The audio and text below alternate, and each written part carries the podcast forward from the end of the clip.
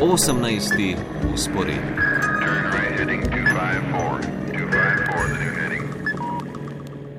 Z našim rimskim dopisnikom Jankom Petrovcem razmišljamo, kako bodo v središču rimsko-katoliške cerkve obeleževali veliko noč v pandemskih razmerah, s kakšnimi demografskimi problemi se spopada Italija, ki je imela lani največ smrti v enem letu po koncu vojne in najmanj rojstev od ustanovitve skupne države, potem o napredovanju cepilne kampanje in obeležju bližajoče se 80. obletnice invazije fašistične Italije na našo državo.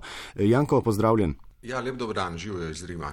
Eh, veliki petek je, začniva v prazničnem duhu, oziroma ti povej, če v prazničnem duhu, eh, kakšna je atmosfera v Vatikanu?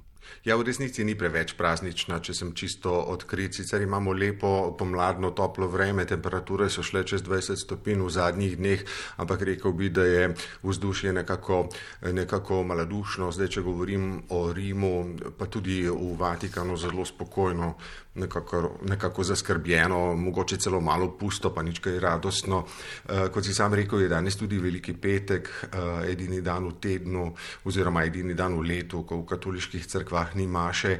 E, zdaj, če razmišljajo stališča vernika, potem je veliki petek resnično tesnoben dan, dan podoživljanja tega, tega arhetipskega Jezusovega trpljenja, ki ga pač v krščanskem kulturnem svetu že stoletja sklanjamo in preklanjamo na najrazličnejše načine, da bi tudi v njem našli odgovore na lastne stiske in trpljenja. E, Vatikanski križev pot tradicionalno prirejajo v Koloseju, Spomnil se boš, da gre kljub resnobnosti sporočila v bistvu za en tak veličasten, celo spektakelski dogodek, bi mhm. rekel, ko različni izbranci nosijo križ med 14 postajami tega obreda, se pravi od prve postaje, ki predstavlja obsodbo Jezusa, pa do zadnje, ko Jezusa že umrlega na križu položijo v grob.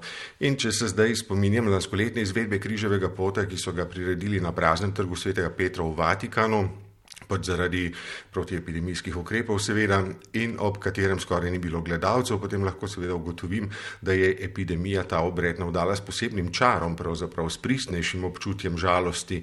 No, zlasti lani, ne, ko so tradicionalne meditacije v vsaki od 14 postaj Jezusovega trpljenja napisali zaporniki iz podovanskega zapora.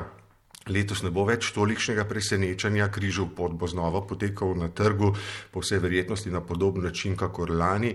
Zato pa bodo bolj neobičajne letošnje meditacije. Te so napisali otroci in najstniki, skauti iz dežele Umbrija in iz Rima in jih opremili tudi z ilustracijami otroškimi. Pričakujemo torej tak. Um, neposreden dogodek, pač zaradi neposrednosti otroške misli. Križov pot bomo iz Vatikana nocoj tudi prenašali na našem drugem TV programu. No, papež Frančišek pa bo še predtem ob 18. v Baziliki svetega Petra vodil obredje Velikega petka. Drugi dan velikonočnega tridnevja, torej danes, prvi dan je bil včeraj, ko se je papež držal nekoliko nazaj. Dopolne je sicer daroval krizmeno mašo, med katero, na, med katero pač na veliki četrtek škofje po svetu blagoslavljajo olje, da tako postanejo, če moramo oni pravijo, sveta krizma. To potem duhovniki vse leto uporabljajo pri zakramentih, kot sta krst ali birma. E, velike četrtek je tudi dan, ko duhovniki obnavljajo svoje zaobljube, ampak včeraj, denimo, ni bilo tradicionalnega umivanja nog kot želani, tudi ne pod zaradi dobrih, zaradi dobro znanih dejstev. Jutri je potem velika sobota, seveda, v Vatikanu je to bolj miren dan, edini obred je na vrsti šele zvečer, eh, velikonočno obdenje v baziliki namreč. Tukaj gre za obred pričakovanja Kristusovega ustajenja, s katerim naj se vernik pripravi na največji praznik v letu.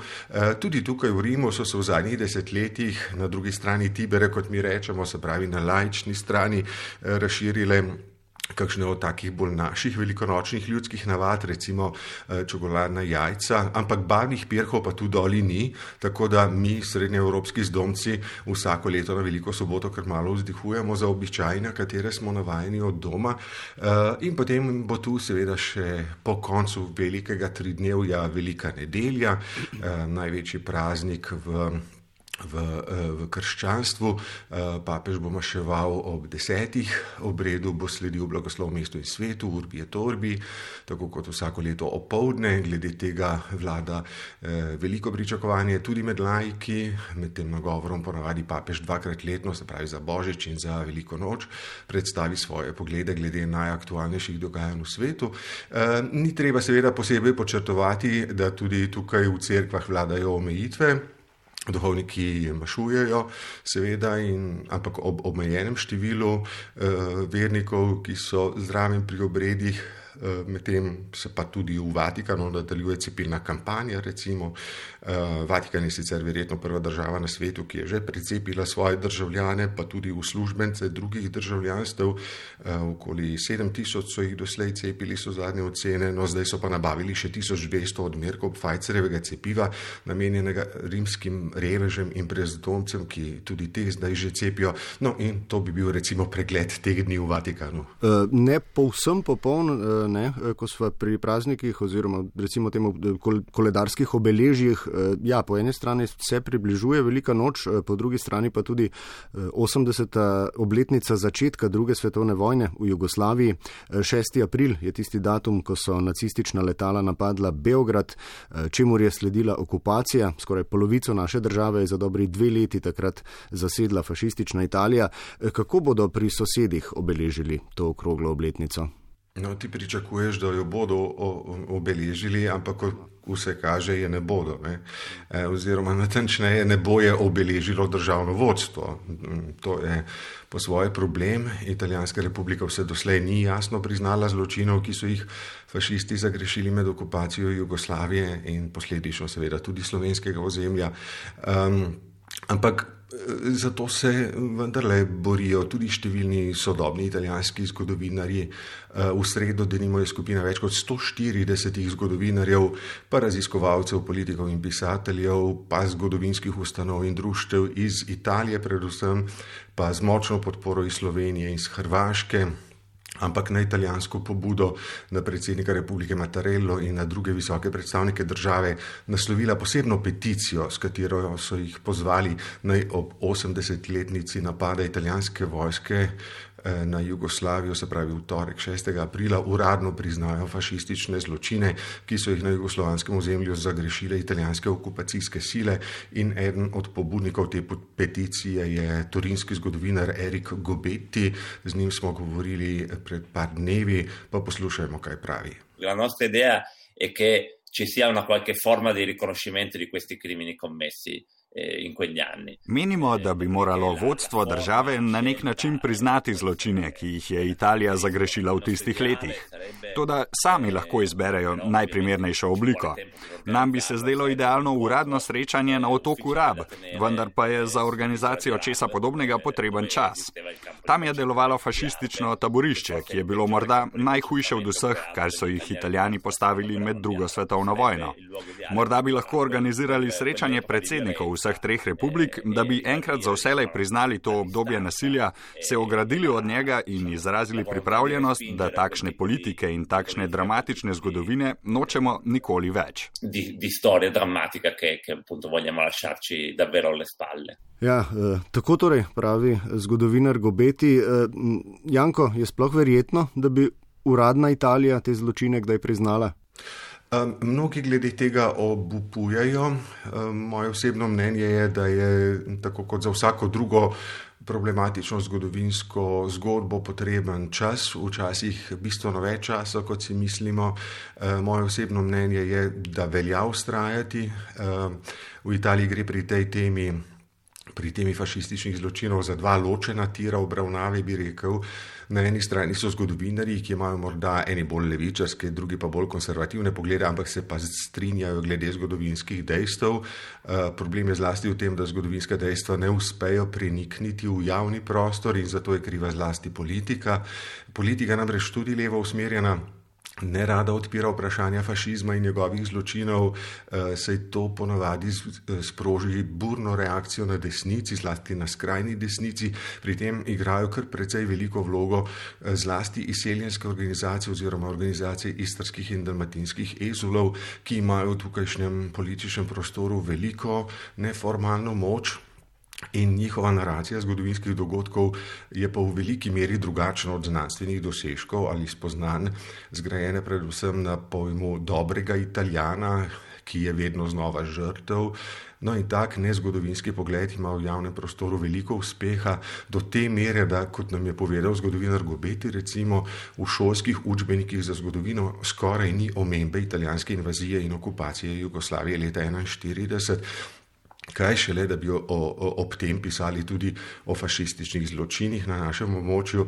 Um, kakorkoli že, mi smo seveda poklicali urad predsednika republike, pa tudi urada predsednikov obeh domov parlamenta italijanskega, torej na naslovi treh uradno najpomembnejših ljudi v državi. Pa jih na naše vprašanje, če bodo 6. aprila karkoli povedali na to temo, jih je to naše vprašanje kar presenetilo. Obljubili so nam, eh, da se bodo pri predsednikih pozanimali, da pa kakšen odziv ni verjeten in to ne na naše vprašanje, pa verjetno tudi na peticijo zgodovinarjev. Pričakoval sem podoben odgovor, moram reči, in eh, pravzaprav se bojim tudi eh, odgovora na naslednje vprašanje, ko prehajava na neobhodno temo epidemija. Pa bom šel bolj osebno, recimo, ti si še premlad, da bi te cepili že aprila, predvidevam. Ja, eh, tam proti koncu maja bi rekel, no, eh, če bo šlo vse po sreči. Eh, italijanski izredni komisar za epidemijo, general Figliuolo, pravi, da bi do sredine aprila rad pospešil kampanjo na pol milijona obrizganih odmerkov dnevno. Včeraj zvečer sem pogledal zadnje podatke in včeraj mislim, da smo obrizgali okrog 270-280 tisoč. Um, odmerkov v enem dnevu. Um, upam seveda, da bo, da, bo, uh, da bo komisarju to uspelo. V Italiji namreč kljub vsem mogočim ukrepom ni opaziti upada. V Sloveniji, da nimo se v času cepljenja vse opazno znižalo število dnevnih žrtev, v Italiji pa niti ne. Pa zato upam, da bodo generacije od 60 na vzgor čim prej pocepljene, pa da končno spet lažje zadihamo. Je pa zanimivo v zadnjih tednih, da je Italija spričo zadnjih ukrepov vendarle ohranila več ali manj stabilno uh, število dnevnih okužb, medtem ko se je v Sloveniji, kolikor vidim, uh, znova nekoliko povečalo, precej se je pa povečalo tako v Franciji kot v Nemčiji, se pravi, zgleda, da v Italiji ti ukrepi kljub, uh, bom rekel, naveličanosti prebivalstva vendarle zaležejo v teh zadnjih tednih vse v toliko, da, da, eh, da, da ne prihaja do novega uspona števila okužb. Eh, no, zdaj oba veva, da epidemija vpliva na vse pore naših življenj. Eh, politike nam v vseh evropskih državah obljubljajo, da bomo gospodarstvo rešili v dveh, mogoče treh letih, ampak na nekaterih področjih pa bodo posledice gotovo bolj dolgoročne. V Italiji recimo bo eno takšnih področji gotovo demografija. Uh, Italijani mm, so v povprečju med najbolj starimi narodi sveta, situacija se še slabša. Lani, kot si že v, v vodu namignil, je v Italiji umrlo več kot 700 tisoč ljudi, kar se ni zgodilo od vojnega leta 1944. Po drugi strani se jih je rodilo samo dobrih 400 tisoč, kar je najmanj od združenja Italije pred 160 leti. Letni saldo je torej minus 300 tisoč prebivalcev, pri čemer pa Italiji ne pomagajo več niti priseljenci, ki jih je v času epidemije pač prišlo tudi občutno manj. Problem pa je seveda še bolj zavraten, eh, če pogledamo, koliko se je v, v zadnjem letu ljudi poročilo, pol manj kot uh, leta 19 in ker se dve tretjini italijanskih otrok rodi v zakonu, se demografi bojijo, da bo padec števila rojstev letos in prihodnje leto še občutno globlji. Prve znake recimo so na statističnem uradu opazili že pri rojenih novembra in decembra lani, z drugimi besedami, že takoj po izbruhu epidemije so italijani nehali delati otroke. Vidiš, Janko, kako je to, ko se pogovarjava bolj osebno. Jaz te vprašam, če si se že cepil temi pa odgovoriš eh, z demografskimi težavami Italije, eh, kar je vsekakor prav.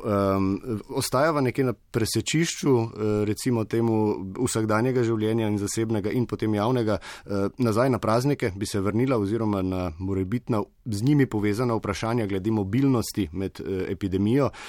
Kakšni ukrepi so uveljavi pri vas zdaj in kakšna je predvidena, ne vem, časovnica, semafor, če ga imate podobno kot mi tu, je tem ukrepom že tudi videti konec, vsaj predvidoma? Viš kaj, tele časovnice in hrepenenje po koncu, glede tega smo se že toliko krat opekli, ne, da, da skoraj si ne upam napovedovati. Pred koncem aprila gotovo vsej teh strožjih ukrepov še ne bo konec. Do konca aprila namreč velja novi vladni dekret, ki nam za vse april zapoveduje najmanj oranžni, če ne celo rdeči režim, pač odvisno od stanja v posamezni italijanski deželi. Dopušča sicer kakšno sprostitev v drugi polovici meseca, ampak ne verjamem, da bomo prišli do takrat že v režim posedanje po lokalih, kaj šele, da bi lahko šli na kakšen koncert. Eh, še mnogo bolj strogo bo v naslednjih treh dneh, od sobote do ponedeljka bo vsa Italija rdeča, to pomeni, da bodo odprte samo trgovine nujne preskrbe, gostinski lokali samo za dostavo na dom, eh, v veljavi ostajata nočna policijska ura in obvezna maska, povsod tam, kjer nisi sam oziroma v izključni družbi ljudi iz istega gospodinstva. Eh, gibanje bo čez praznike omejeno uradno na dom z okolico, ampak ker sta dopuščena tudi rekreacija in en obisk na domu dnevno, pa če to zabelimo s soncem, pa z 22-25 stopinjami, eh, potem to pomeni kar precejšno verjetnost družinskih piknikov in druženj v naravi ali ob morju. Policija sicer napoveduje poostren nadzor, ampak kot rečeno, že dvakrat disciplina in samo nadzor sta v zadnjih tednih vendarle popustila tudi v Italiji, ki je veljala za vzorno, kar se obnašanja tiče v času epidemije državo. Eh, pri prihodih iz tujine, ki niso vezani na službene zdravstvene in druge nujne poti, pa je do torka obvezen negativni izvid testa, pa potem petdnevna karantena in na koncu ponovni test. To velja za vse prihode iz držav Unije, ki niso nujni ali službeni, kot rečeno, tako da pozor, če boste hoteli biti prepametni. Dovoli mi kljub temu, kar si povedal o pričakovanjih in hrepenenju po koncu, eh, malce tendenciozno vprašanje za konec. Eh, naslednji potep po Italiji, torej eh, kdaj bo možen po tvoje? No, tega mislim, da, da ne vedo še niti v Vatikanu. Recimo, da imajo potem oni še um, da imajo, če se malo pohecam, seveda, ne, eno možnost več za to, da, vedo, da, da vidijo prihodnost. Uh, vsekakor pa upam, da čim prej ne. Uh, v različnih mestih po Italiji čakajo na odprtje uh, vsej zanimive razstave ob 700-letnici smrti Dante Aligierija, ki, ga, ki jo obhajamo letos, pa v Benetkah recimo tudi komaj čakajo, da bodo lahko dostojno proslavili 1600-letnico ustanovitve mesta, da o vseh drugih poslasticah seveda ne izgubljava besed. Morda raje res ne. E, skumine kulture, e, umetnosti lačnih so hude. E, pa tudi glede na nepredvidljivost razmer, verjetno kakršnakoli predvidevanja ne bi mogla biti dobro utemeljena. Janko Petrovec, hvala za odgovore, kolikor si jih lahko podal na vse, kar je ja, torej v tem trenutku že imelo odgovore. In lepo zdrav, Rim. Hvala lepa tebi, pa seveda vesele velikonočne praznike vsem poslušalcem Vala 202. In enako k sosedom.